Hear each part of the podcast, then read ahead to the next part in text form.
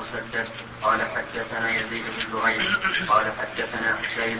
قال حد قال حدثنا عبد الله بن بريدة عن بشير بن كعب عن شداد بن أوس رضي الله عنه عن النبي صلى الله عليه وسلم قال سيد الاستغفار اللهم أنت ربي لا إله إلا أنت خلقتني وأنا عبدك وأنا على عهدك ووعدك ما استطعت. أبو لك بنعمتك وأبو لك بذنبي فاغفر لي فإنه لا يغفر الذنوب إلا أنت.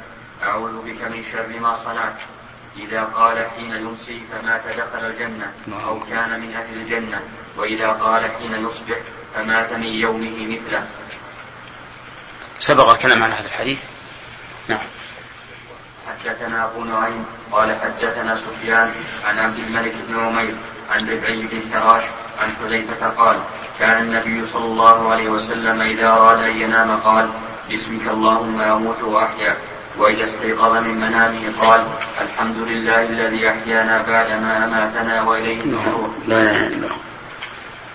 وحدثنا عبدان عن أبي حمزة عن منصور عن ربعي بن حراش عن خرشه بن الحر بن الحر عن أبي ذر رضي الله عنه قال كان النبي صلى الله عليه وسلم إذا أخذ مضجعه من الليل قال اللهم باسمك أموت وأحيا. فاذا استيقظ قال الحمد لله الذي أحيانا بعدما أماتنا وإليه النشور. وهذان سبقا أيضا. نعم. باب الدعاء في الصلاة. حدثنا عبد الله بن يوسف قال أخبرنا الليث قال حدثني يزيد عن أبي الخير عن عبد الله بن عمرو رضي الله عنهما عن أبي بكر الصديق رضي الله عنه أنه قال للنبي صلى الله عليه وسلم علمني دعاء أدعو به في صلاتي. قال قل اللهم إني ظلمت نفسي ظلما كثيرا ولا يغفر الذنوب إلا أنت فاغفر لي مغفرة من عندك وارحمني إنك أنت الغفور الرحيم. وقال عمرو بن الحارث عن يزيد عن أبي الخير أنه سمع عبد الله بن عمرو قال أبو بكر قال أبو بكر للنبي صلى الله عليه وسلم. وحدثنا علي قال حدثنا مالك بن سعيد قال حدثنا هشام بن عروة عن أبيه عن عائشة رضي الله عنها في قوله تعالى ولا تجهر بصلاتك ولا تخافت بها أنزلت في الدعاء. وحدثنا عثمان بن أبي شيبة قال حدثنا جرير عن منصور عن أبي وائل عن عبد الله عن عبد الله رضي الله عنه قال كنا نقول في الصلاة السلام على الله السلام على فلان. فقال لنا فقال لنا النبي صلى الله عليه وسلم ذات يوم إن الله هو السلام. فإذا قعد أحدكم في الصلاة فليقل التحيات لله إلى قوله الصالحين. فإذا قالها أصاب كل عبد لله أصاب كل عبد لله في السماء والأرض صالح. أشهد أن لا إله إلا الله وأشهد أن محمدا عبده ورسوله. ثم يتخير من الدعاء ثم يتخير من الثناء ما شاء. بسم الله الرحمن هذه الأحاديث في الدعاء في الصلاة. منها حديث أبي بكر رضي الله عنه حين سأل النبي صلى الله عليه وسلم أن يعلمه دعاء يدعو به في صلاته. ويتبين لنا فضيلة هذا الدعاء بأنه وقع من من أبي بكر رضي الله عنه. وقع السؤال عنه من أبي بكر. والجواب من النبي صلى الله عليه وسلم لأبي بكر. وإذا كان النبي صلى الله عليه وسلم قال لمعاذ إني أحبك فلا تدعنا أن تقول دبر كل صلاة فإن محبة النبي صلى الله عليه وسلم لأبي بكر أشد من محبته لمعاذ بن جبل لأن أحب لأن أحب الرجال إلى الرسول صلى الله عليه وسلم أبو بكر. فيدل هذا على عظم على عظمة هذا هذا الدعاء. وصيغة الدعاء أيضا تدل على عظمته. فإن فيه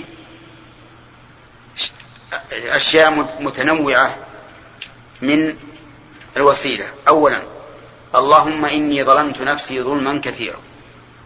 هذا توسل إلى الله بحال الداعي وهو أحد أنواع التوسل المشروع. وإنه ولا يغفر الذنوب إلا أنت. هذا توسل بصفات الله عز وجل وأفعاله. ولا يغفر الذنوب إلا أنت. وهذا أيضا أحد أنواع التوسل المشروعة. فاغفر لي مغفرة من عندك هذا هو المتوسل إليه. يعني المتوسل الذي توسل الإنسان إلى الله بالدعاء بصفاته من أجل حصول المطلوب. يعني هذا هو الثمرة المطلوبة. وفي إضافة المغفرة إلى الله أيضا دليل على عظمة هذه المغفرة وأنها مغفرة من عند صاحب المغفرة الذي لا يغفر الذنوب إلا هو عز وجل. ثم قال إنك أنت الغفور الرحيم فيها أيضا توصل الله تعالى بذكر بأسمائه. وقد مر علينا أن التوسل المشروع أنواع. أولا التوسل بحال الداعي. والثاني التوسل إلى الله بأسمائه. الثالث التوسل إلى الله بصفاته. الرابع التوسل إلى الله بأفعاله. الخامس التوسل إلى الله سبحانه وتعالى بدعاء الصالحين. يعني أن تتوسل بدعاء الصالح. تسأله أن يدعو الله لك. كم هذه؟ خمسة. طيب التوسل إلى الله بحال الداعي. مش مثاله؟ هنا اللهم إني ظلمت نفسي ظلما كثيرا. ومثل قول إبراهيم موسى رب إني لما أنزلت إلي من خير فقير. ومثل قول أيوب رب إني مسني الضر. وأشبه ذلك كثير. التوسل إلى الله بأسمائه لقول الله تعالى ولله الأسماء الحسنى فادعوه بها. ومنها هذا الحديث إنك أنت الغفور الرحيم. التوسل إلى الله بأفعاله اللهم صل على محمد وعلى آل محمد كما صليت على إبراهيم. التوسل إلى الله تعالى بصفاته. اللهم بعلمك الغيب وقدرتك على الخلق أحيني إذا علمت الحياة خيرا لي. فإن علم الغيب وقدرة على الخلق هذه من باب من باب الصفات. مش بقي عندنا؟ التوسل الله تعالى بدعاء الصالحين. كقول عمر اللهم إنا نتوسل إليك بنبينا فتصلينا وإننا نتوسل إليك بعم نبينا فأسقنا فيقوم العباس فيدعو الله. هذه من أنواع التوسل الجائز. هذه من أنواع التوسل الجائز. نعم؟ نعم. التوسل الله بارك الله فيك. التوسل الله تعالى بالعمل الصالح. التوسل الله تعالى بالعمل الصالح. بأن يذكر الإنسان عمله فيتوسل الله به مثل قولهم قول عباد الله ربنا إننا سمعنا مناديا ينادي للإيمان أن آمنوا بربكم فآمنا. أن آمنوا بربكم فآمنا ثم قال ربنا فاغفر لنا ذنوبنا وكفر عنا سيئاتنا. وكذلك أصحاب الغار الثلاثة الذين انطبق عليهم الغار فتوسلوا إلى الله تعالى بصالح أعمالهم. أما التوسل إلى الله بالذوات مثل أن تقول اللهم إني أتوسل إليك بمحمد فإن هذا لا يفيد. لا يفيد. لأن ذات البشر ليست مما يقرب الإنسان إلى الله. ولا تغنيك شيئا. كذلك التوسل إلى الله بنعم الله على أو بالأوصاف للبشر بأوصاف البشر. مثل أسألك بخلق محمد كذا وكذا. خلق محمد ماذا يفيدك؟ أسألك بجاه محمد كذا وكذا. جاه محمد ماذا يفيدك؟ هذا يفيد صاحبه. ما هو ببيتك أنت؟ نعم لو قلت اللهم كما مننت على محمد بالخلق العظيم فارزقني خلقا حسنا. يصح ولا لا؟ لأنه توصل الله بماذا؟ ليس بخلق الرسول بل بنعمة الله على رسوله بهذا الخلق. وهي من التوسل إلى الله بأفعاله. وفي حديث عبد الله بن مسعود رضي الله عنه أن الصحابة كانوا يقولون في الصلاة السلام على الله. السلام على فلان فقال الرسول صلى الله عليه وسلم إن الله هو السلام. فليس بحاجة أن تقولوا السلام على الله تدعون لله بالسلامة. ليس بحاجة. لماذا؟ لأنه سلام. سالم من كل عيب ونقص السلام على فلان. نهاهم الرسول عنه؟ لا. سلموا لكنه أعلمهم صلى الله عليه وسلم بدعاء أعم. فقال إنكم إذا قلتم عباد الله الصالحين أصاب كل عبد صالح في السماء والأرض. وفي هذا الحديث دليل على أن الجمع إذا أضيف يكون إيش؟ للعموم. وأن للعموم صيغة. خلافا لمن خالف في ذلك من الأصوليين. وفي قوله ثم يتخير من الثناء ما شاء وفي لفظ من الدعاء. وهذا نقل للحديث بالمعنى. لأن الدعاء ثناء على الله بلا شك. لأنه يتضمن حاجتك واعترافك بقدرة الله سبحانه وتعالى وغناه فهو ثناء فهو فالدعاء متضمن للثناء. وفي قوله ما شاء دليل على أنه يجوز للإنسان أن يدعو الله تعالى في صلاته بما يعود إلى أمر الدنيا. فيقول اللهم ارزقني سيارة قوية. الله ها؟ كيف؟ قرية قوية اللهم ارزقني بيتا واسعا. نعم. ولا حرج في ذلك. وأما قول من قال من أهل العلم إنه إذا دعا بما يتعلق بأمور الدنيا بطلت صلاته فقول لا وجه له. ما الذي يبطلها؟ هو يخاطب من؟ هل يخاطب الآدميين ولا يخاطب الله؟ يخاطب الله. والصلاة يفسدها خطاب الآدميين. أما دعاء الله فلا يفسدها. والحديث ها. نعم. نعم. نعم. ما شاء. نعم. قوله صلى الله عليه وسلم ثم يتخير من الثناء ما شاء. في لفظ آخر حديث ثم يتخير من الدعاء ما شاء. نعم. في فرق بين العبارتين؟ لا لا فرق. الحديث بالمعنى. سبحان الله أنا ما قلت الآن. قلت إن الدعاء ثناء. الدعاء ثناء. إي نعم. لأن اذا دعوت الله فأنت تثنى عليه بالقدرة والقوة والإحسان. ما تدعو إلا من يتصل بذلك. نعم أحمد. بالنسبة للحديث انس نعم. ذكر الله يعني ها؟ ذكر الله في مكان قضاء الحاجة يشرع. يشرع؟ لا. لا ما يشرع. بل بعض العلماء كره. بعض العلماء كره ذلك. والتسمية والتسمية كلها يقول قبل. يعني أترك التسمية. قبل الدخول. لا الواحد ها؟ مثلا مكان ما يستطيع يعني يقول قبل أن يدخل إلى هذا المكان اي قبل أن يدخل إلى نعم.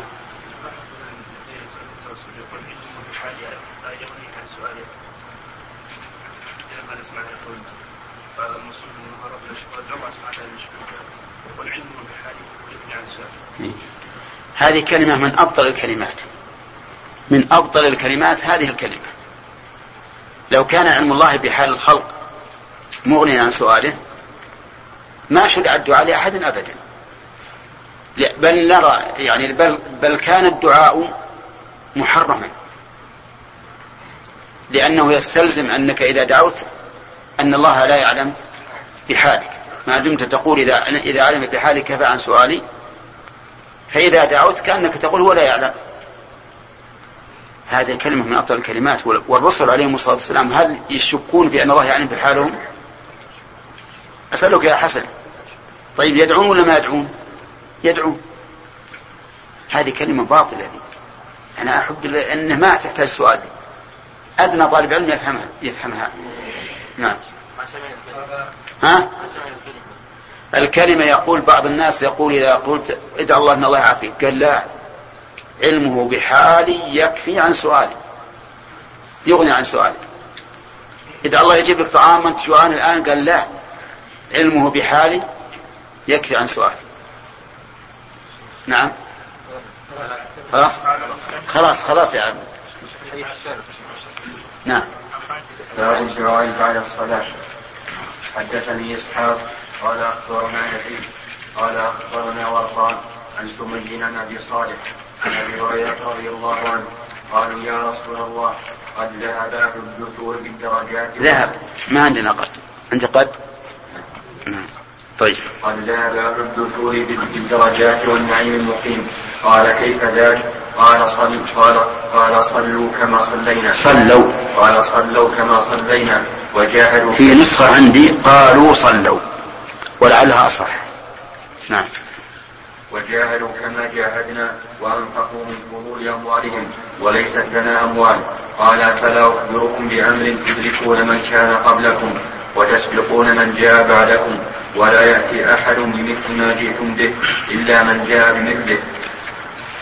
تسبحون في دبر كل صلاة عشرا وتحمدون عشرا وتكبرون عشرا تابعه عبيد الله بن عمر عن سمي ورواه ابن عجلان عن سمي ورجاء بن حيوة ورواه جرير عن عبد العزيز بن رفيع عن أبي صالح عن أبي الدرداء ورواه صهيب عن ابي عن أبي هريرة رضي الله عنه عن النبي صلى الله عليه وسلم.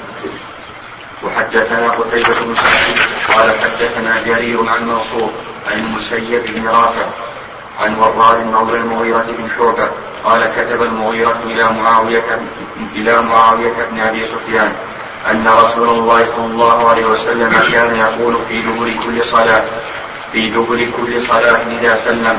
لا إله إلا الله وحده لا شريك له له الملك وله الحمد وهو على كل شيء قدير.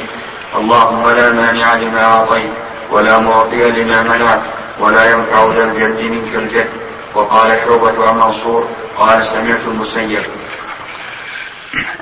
الآن الباب ترجمة باب الدعاء بعد الصلاة. ولم يذكر المؤلف رحمه الله حديثا يدل على ذلك بصريح الدعاء. فإما أن يكون قد أشار إلى حديث ليس على شرطه كما يفعل ذلك كثيرا. يكتب الترجمة ويسوق الأحاديث وليس فيها شيء يدل على الترجمة لكنه يشير إلى أحاديث وردت بما تدل عليه الترجمة لكنها ليست على شرط. وهذا من فقهه رحمه الله. ومن نصحه أيضا. ومن نصحه. من فقهه من أجل أن الإنسان يبحث عن الأحاديث التي أشارت إليها هذه الترجمة. ومن نصحه لئلا يغفل ما تدل عليه هذه الأحاديث وإن كانت على خلاف شرطه أو وإن لم تكن على شرطه. ويحتمل أن المؤلف رحمه الله جعل الذكر دعاء. لأن الذاكر إنما يرجو بذكره ثواب الله والنجاة من عقابه وحينئذ يكون الذكر دعاء من باب دلالة اللزوم. دون المطابقة والتضمن من باب دلالة اللزوم. لأن من لازم الذكر إيش؟ الدعاء. إذ أن الذاكر لو سألته لماذا دعوت لقال ها. أرجو ثواب الله وأخشى عقابه. نعم. فهذان هذان احتمالان. وفي هذا الحديث دليل على أن من من صفات الذكر الوارد بعد الصلاة أن يسبح عشرا ويكبر عشرا ويحمد عشرا. وقد ثبت ذلك أيضا في صحيح مسلم وأما هذا الحديث فاختلفت فيه الرواة. ولهذا بعض العلماء لم يصحح هذه الرواية.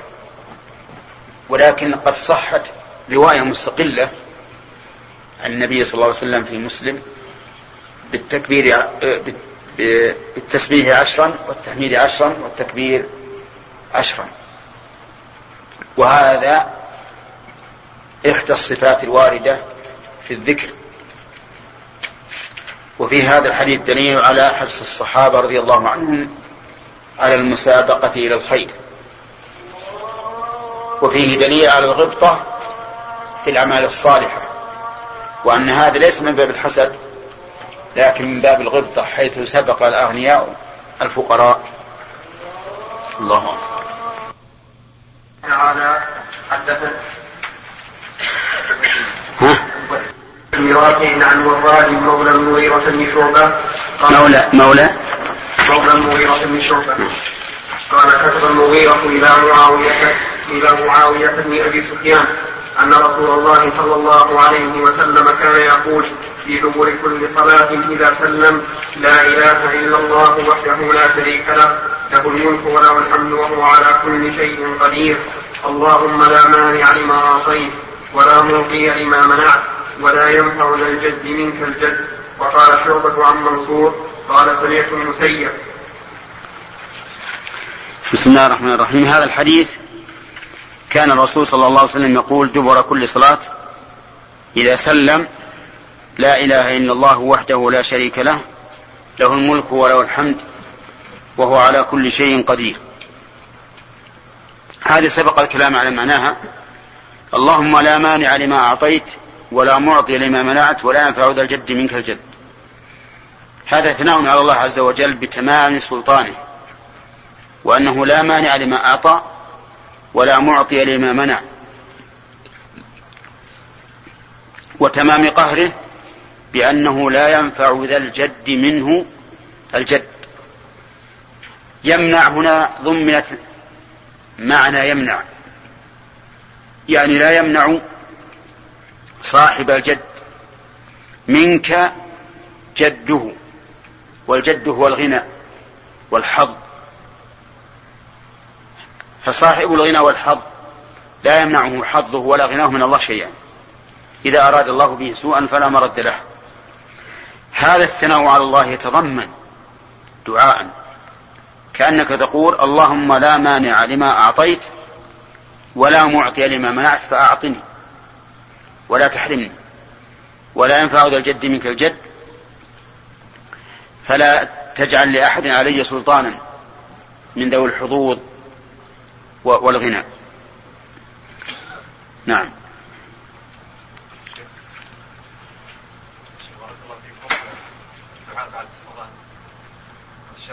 حديثا اذا من اللهم اصلح. نعم اخرجه النسائي صاحب صاحب حتى وغيره. نعم هذا الحديث استدل به على جواز الدعاء بعد الصلاة. حديث معاذ رضي الله عنه. لا تدعنا يقول شيخ الإسلام إن هذا المراد بالدبر المراد بالدبر ما ما كان في آخر الصلاة لأن دبر كل شيء منه هذا الحديث الصريح يا شيخ. أي إذا انصرف من الصلاة كان يقول اللهم اصلح لي ديني. لأن هذا ما هو بغالب أحيانا يمكن لعله يعني ليس بغالب نعم بايش؟ بذات من؟ نعم. الرسول حاضر عليه الصلاة والسلام في حديث الأعمى. حديث الأعمى إذا صح توسل إليك بنبيك أن يدعو الله لي.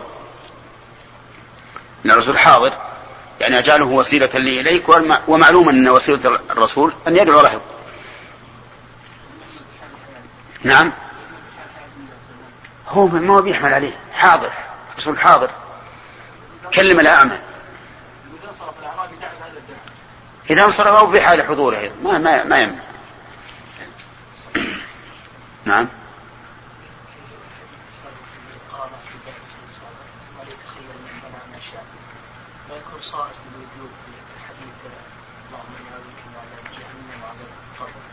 لا ما يمنع.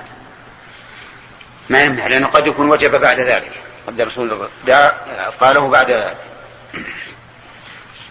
باب قول الله تبارك وتعالى وصل عليهم ومن خص اخاه بالدعاء دون نفسه وقال أبو موسى قال النبي صلى الله عليه وسلم صلى الله عليه وسلم. اللهم اغفر لعبيد أبي عامر اللهم اغفر لعبد الله بن قيس ذنبه. حدثنا مسدد قال حدثنا يحيى عن يزيد عن يزيد عن يزيد. باب قول الله تعالى وصل عليهم يعني ادعو لهم. ادعو لهم. فإذا قال قائل لماذا حملتم الصلاة هنا على الدعاء؟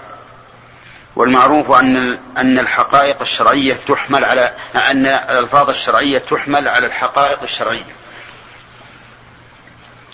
فالجواب على هذا أن الرسول صلى الله عليه وسلم بين ذلك بفعله.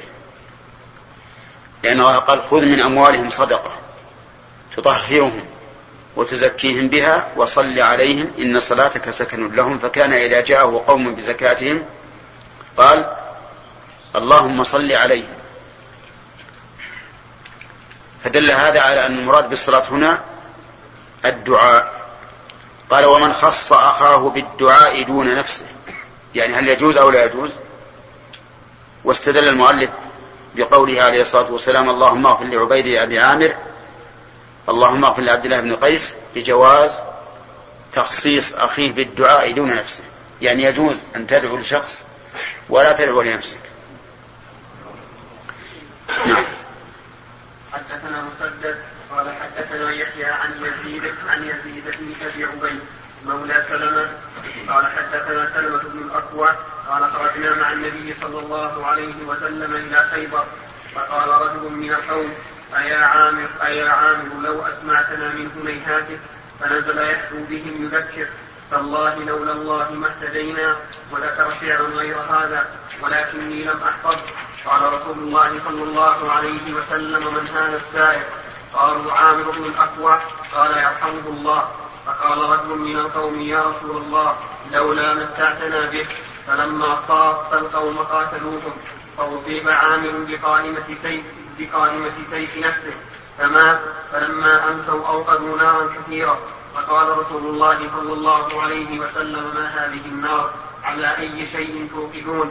قالوا على حمر إنسية فقال أضيقوا ما فيها وكسروها فقال رجل يا رسول الله ألا نفرق ما فيها ونغسلها؟ قال أو ذاك. الشاهد من هذا قوله يرحمه الله. وقولهم لولا متعتنا به لأنه لما دعا له الرسول صلى الله عليه وسلم بهذه الدعوة فهموا أن الرجل سيموت لما دعا له بالرحمة لأنه كان إذا دعا لأحد بمثل هذا فهو علامة أجله. وفي هذا الحديث دليل على أن من قتل نفسه خطأ فإنه لا إثم عليه. لأن الناس صاروا يقولون بطل أجر عامل عامر بطل أجر عامر لأنه قتل نفسه. فبلغ ذلك النبي صلى الله عليه وسلم فقال كذبوا. بل له بل له الأجر مرتين. إنه لجاهد مجاهد. فأبطل قولهم عليه الصلاة والسلام. وفي هذا الحديث دليل على أن الحمر الإنسية حرام. وعلى أنها نجسة. لأن النبي صلى الله عليه وسلم أمر بغسل الأواني منها. وكان أول ما أمر أن أمر بكسر الأواني وذلك والله أعلم تعزيرا لهم. لأن الحمر كانت حرمت ولكنهم لعلهم لما رأوا ما بهم من الفاقة والجوع أقدموا على ذلك. فقال لهم النبي عليه الصلاة والسلام اكسروها أهريقوا ما فيها وكسروها. و فسألوا أن يقتصروا على الغسل فأذن لهم في ذلك. فقال أو ذاك يعني أو اغسلوها نعم ها. هل هل القاضي إذا أصدر مثلا حكم بتعزيز أن يتراجع يعني يجعل النصف عليه؟ إي نعم. يعني نعم له أن يفعل. إذا رأى فيه مصلحة فله أن يفعل. نعم. كل حديث عن النبي كل صلاه انه يصرف إلى ما قبل السلام. نعم. وهذا لا اله الا الله يعني نفس كيف صرفنا هذا إلى قبل السلام؟ لأن الله أمر بالذكر بعد الصلاة. فكل ذكر يأتي فهو بعد الصلاة. هذا الأصل. وأما الذكر وأما الدعاء فالنبي عليه الصلاة والسلام أمر بالدعاء بعد التشهد. نعم إلا اللفظ واحد. لكن دبر اسم مشترك. اسم مشترك بين آخر الشيء وما بعده. فإذا كان اسما مشتركا صالحا لهذا وهذا حمل كل واحد منهما على ما يليق به. فيحمل الدعاء على ما قبل السلام لأنه هو محل الدعاء كما قال النبي عليه الصلاة والسلام.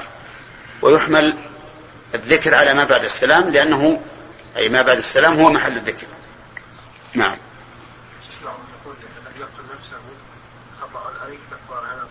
ما هو صحيح. ما هو صحيح. نعم. أولا هذا ليس هذا محل بحثه. لكن أدلتهم عموم قوله ومن قتل مؤمنا خطأ قالوا وهو نفس مؤمنة فيلزمه الكفارة حدثنا مسلم قال حدثنا شعبة عن عمرو بن مرة سمعت ابن أبي أوفى رضي الله عنهما كان النبي صلى الله عليه وسلم إذا أتاه رجل بصدقته قال اللهم صل على آل فلان. فأتاه أبي فقال اللهم صل اللهم صل على آل على آل أبي أوفى. وحدثنا علي بن عبد الله قال حدثنا سفيان عن إسماعيل عن إسماعيل عن قيس قال سمعت جريرا قال قال لي رسول الله صلى الله عليه وسلم ألا تريح ألا تريحني من ذي من ذي الخلصة خلصة. من ذي الخلصة وهو نصب كانوا يعبدونه يسمى الكعبة اليمانية. قلت يا رسول الله إني رجل لا أثبت على الخير. فصك في صدري فقال اللهم ثبته. واجعله هاديا مهديا. قال خرجت في خمسين من أحمس من قومي. وربما قال سفيان فانطلقت في عصبة في عصبة من قومي فأتيتها فأحرقتها. ثم أتيت النبي صلى الله عليه وسلم فقلت يا رسول الله والله ما أتيتك حتى تركتها مثل الجمل الأجر فدعا لأحمس وخيرها. الله هذا فيه أيضا الدعاء للشخص بدون أن يدعو الإنسان لنفسه. حيث قال الرسول صلى الله عليه وسلم اللهم ثبته واجعله هاديا مهديا.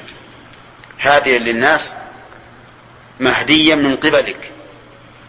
لأنه ليس كل هاد يكون مهديا.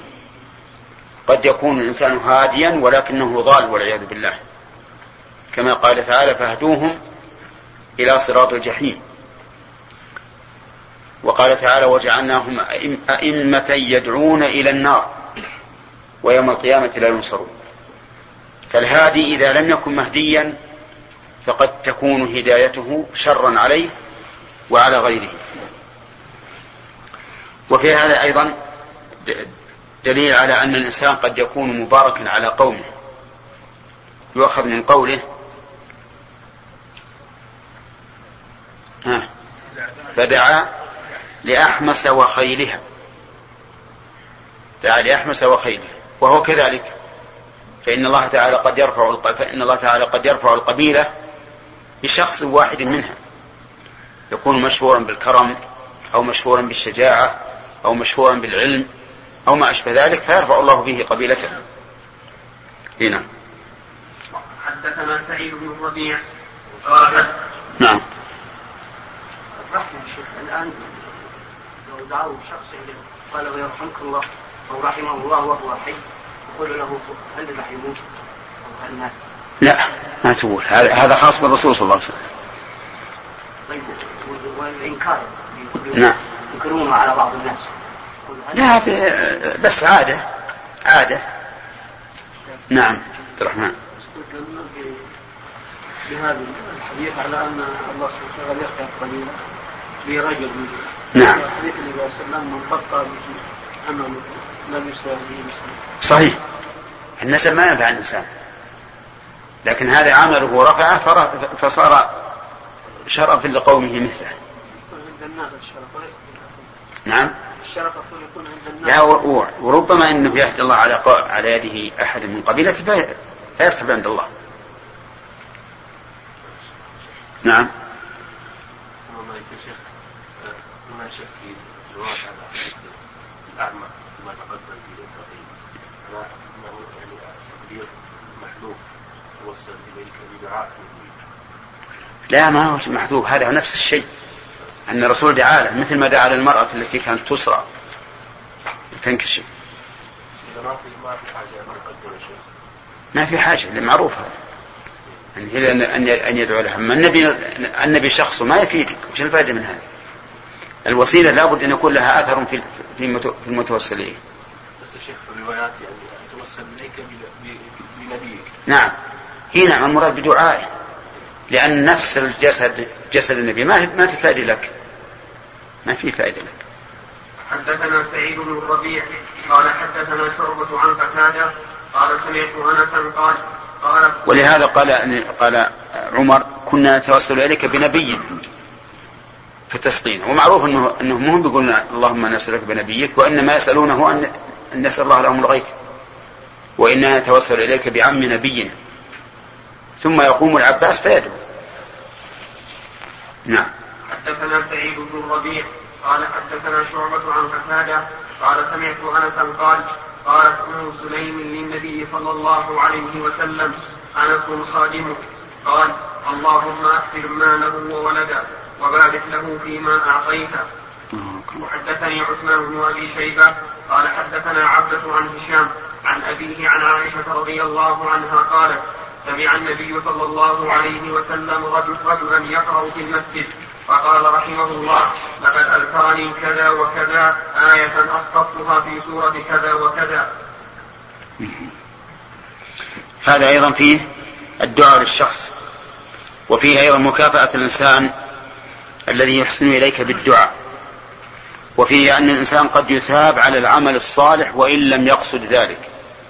لأن هذا الرجل الذي كان يقرأ ما كان يريد أن يذكر النبي صلى الله عليه وسلم بما أسقط من الآيات ولكنه حصل هذا الشيء بفعله. فيكون الإنسان قد يكون فيكون الإنسان مأجورا بعمله الذي انتفع به غيره وإن لم يكن قاصدا ذلك. وعليه قول عامة إن الإنسان يؤجر غصبا غصبا عليه. يعني أن الإنسان قد لا يكون في باله هذا الشيء ثم ينتفع الله ينتفع به الناس فيحصل له الأجر. نعم. وحدثنا حفص بن عمر. نعم يا هداية الله. الأمور الجنسية بحسب المذاق إيش؟ يعني الأمور الأمور الجنسية إيه. بالنسبة إلى حديث المرأة أمور الحيوانات الجنسية وهي أمور الجنسية حمر إنسية عندي حمر إنسية يعني هي محظور لا عندنا حمر إنسية. يعني يعني قصدك إنهم ما عقدوا عليه وهي حية؟ إيه لا هي بحية معروف. يعني المراد لحمه المراد لحم الحمر قال النووي بحسب المذاق. إيه؟ إيه المراد لحمة؟ ما هو المراد إنهم أوقدوا على نفس الحمار وهو حي؟ لا. نعم. كفارة؟ ما يكفر. هذا سأل عنه مهند وبن- قلت له ما-؟ هو مات سبحان الله. يكفر من تركته إذا لو تركه يخرج من تركته. يشترى رقبة وتعتق أو يصوم عنه أولياؤه وليه شهرين متتابعين. لكن صحيح أنه ما عليه كفارة. نعم. أنفه ما هذا نعم. وحدثنا حفص بن عمر قال حدثنا شعبة قال أخبرني سليمان عن أبي وائل عن عبد الله قال قسم النبي صلى الله عليه وسلم قسما. فقال رجل إن هذه لقسمة ما أريد بها وجه الله. فأخبرت النبي صلى الله عليه وسلم فغضب حتى رأيت الغضب في وجهه وقال يرحم الله موسى لقد أوذي بأكثر من هذا فصبر. صلى الله عليه وسلم. الشاعر قوله يرحم الله موسى. لقد أوذي بأكثر من هذا فصبر. وهنا يرحم جملة خبرية لفظا لكنها إنشائية معنى إذ أن المراد بها الدعاء. ومن هنا نأخذ أنه لا بأس أن تقول يرحم الله فلانا أو رحم الله فلانا أو فلان المرحوم يعني أن الذي يرجى أن يكون الله رحمه. وليس هذا من باب الخبر المجزوم به لأن الإنسان ما يدري لكنه من باب الخبر الذي يراد به الإنشاء والرجاء. نعم. باب ما يكره من السجد في الدعاء. حدثنا يحيى بن محمد بن السكن قال حدثنا حسان بن هلال أبو حبيب قال حدثنا هارون المقرئ قال حدثنا زبير بن الخريج عن عكرمة عن ابن عباس قال حدث الناس كل جمعة مرة فإن أبيت فمرتين فإن أكثرت فثلاث مرات. ولا تمل الناس هذا القرآن ولا ألفينك تأتي القوم ألفينك. ولا ألفينك تأتي القوم وهم في حديث من حديثهم فتقص عليهم فتقطع حديثهم فتقطع عليهم حديثهم فتملهم. ولكن أنصت فإذا أمروك فحدثهم وهم يشتهون فانظر السبع من الدعاء فاستلم فإني عهدت رسول الله صلى الله عليه وسلم وأصحابه لا يفعلون إلا ذلك الاجتناب. هذه وصايا من ابن عباس رضي الله عنهما وصايا مهمة. أولا يقول حدث الناس كل جمعة مرة. هذه واحدة. فإن أبيت فمرتين فإن أكثرت فثلاث مرات ولكن هذا المراد ولكن المراد بهذا حديث الموعظة الذي يقصد به تحريك القلوب والوعظ. أما العلم فإن العلم يكون كل وقت. ولهذا كان الرسول صلى الله عليه وسلم يجلس لأصحابه دائما لكن يتخولهم بالموعظة التي يراد بها ترقيق القلب وحثه على الإقبال. قال ولا تمل الناس هذا القرآن ومن هذا النوع أن تقرأ في مجالس وترى الناس لا يريدون هذا. ولا تتهم الناس بالنفاق إذا رأيتهم لا يريدون القراءة لأن النفوس تختلف لها إقبال ولها إدبار. فإذا رأيت أن أن الناس يريدون أن يتحدث بأحاديثهم العادية المباحة وأنك لو قرأت عليهم شيئا من القرآن أو شيئا من الحديث لملوا وضجروا فلا تفعل. الناس النفوس لها إقبال وإدبار. يقول ولا ألفينك يعني لا أجدنك تأتي القوم وهم في حديث من حديثهم فتقص عليهم فتقطع عليهم حديثهم فتملهم. ولكن أنصت فإن أمروك فحدثهم هذا أيضا من الآداب. تأتي إلى ناس إلى أناس يتحدثون فيما بينهم. حديث مباحة. ثم تقول يا جماعة استمعوا. أبا أريد أن أعظكم. هذا لا ينبغي. لأنهم قد لا يكونون على استعداد لقبول الموعظة وأيضا تقطع عليهم أحاديثهم. ولكن أنصت فإن أمروك وقالوا حدثنا. عظنا جزاك الله خيرا وما أشبه ذلك فحدثهم لأن الأمر جاء منه. وكذلك لو رأيت شيئا محرما لا بد من التنبيه عليه فحدثهم. وأما أن ترى شيئا مباح والناس مشتغلون كل يتحدث بما يختص به وربما لا يكون وربما لا يحصل لهم تقابل إلا في هذه المناسبة. فيحدث بعضهم بعضا ويسأله عن حاله. ثم تأتي أنت وتقوم وتقص عليهم فتقطع حديثهم وتملهم. هذا لا ينبغي. لكن إذا طلبوا منك قالوا حدثنا حدثهم أو إذا رأيت أمرا منكرا فلا يجوز السكوت عليه. حدثهم وحذرهم منه. وهذا لا شك أنه من التربية التربية العظيمة لأن الإنسان يجب عليه أن يكون مربيا كما يكون عالما. ليس العلم كل شيء. العلم يحتاج إلى تربية وإلى أن يعرف الناس استعداد أن يعرف الإنسان استعداد الناس للقبول وعدمه.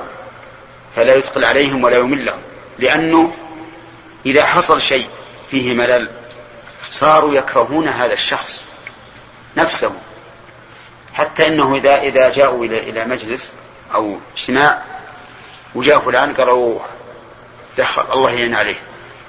مع إنه بيعطيهم كلام طيب وموعظة لكن هم ما هو على استعداد لهذا الشيء. وقد يسمع منهم كلام مكروه في نفس المكان.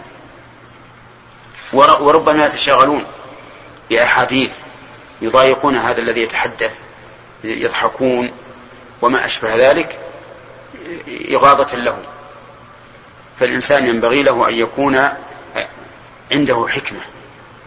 يختار الموضع المناسب والوقت المناسب ليتحدث فيه.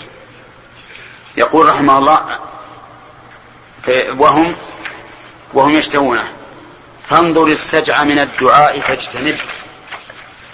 هذا أيضا من توجيهات ابن عباس رضي الله عنه وقال إن الرسول صلى الله عليه وسلم وأصحابه لا يفعلون إلا ذلك.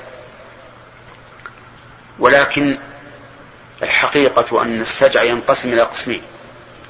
سجع متكلف ربما يتغير به المعنى فلا شك أن هذا مذموم. وسجع تأتي به الطبيعة غير متكلف ولا يختل به المعنى فهذا جائز. وكان الرسول صلى الله عليه وسلم يقول اللهم اغفر لي ذنبي كله دقه وجله سره وعلانيته وأوله وآخره. هذا فيه السجع. لكن ليس متكلفا. ومن هنا نأخذ أن ما يكون في بعض الختمات التي يختمون بها القرآن بعض الأئمة من الاسجاع العجيبة الطويلة الغريبة التي تحمل معاني أحيانا غير صحيحة. نعرف أن هذا أمر على خلاف ما كان عليه الرسول صلى الله عليه وسلم وأصحاب وأصحابه. هذا فضلا عن أن أصل الختمة في في الصلاة ليست بمشروعة وليس لها أصل. وكل شيء يأتي في الصلاة لا بد له أن لا بد أن يكون له أصل. يحتاج إلى دليل لأن الصلاة أذكارها معروفة معلومة معينة من قبل الشرع. القيام له ذكر والركوع له ذكر والسجود له ذكر والقعود له ذكر. فأي ذكر يدخل في الصلاة بدون دليل فإنه يعتبر غير مشروع. نعم.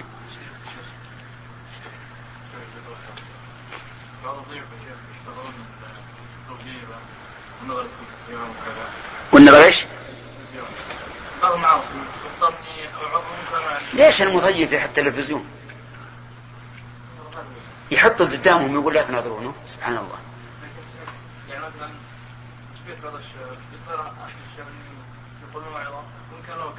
والتلفزيون أيضا قد يكون منكر.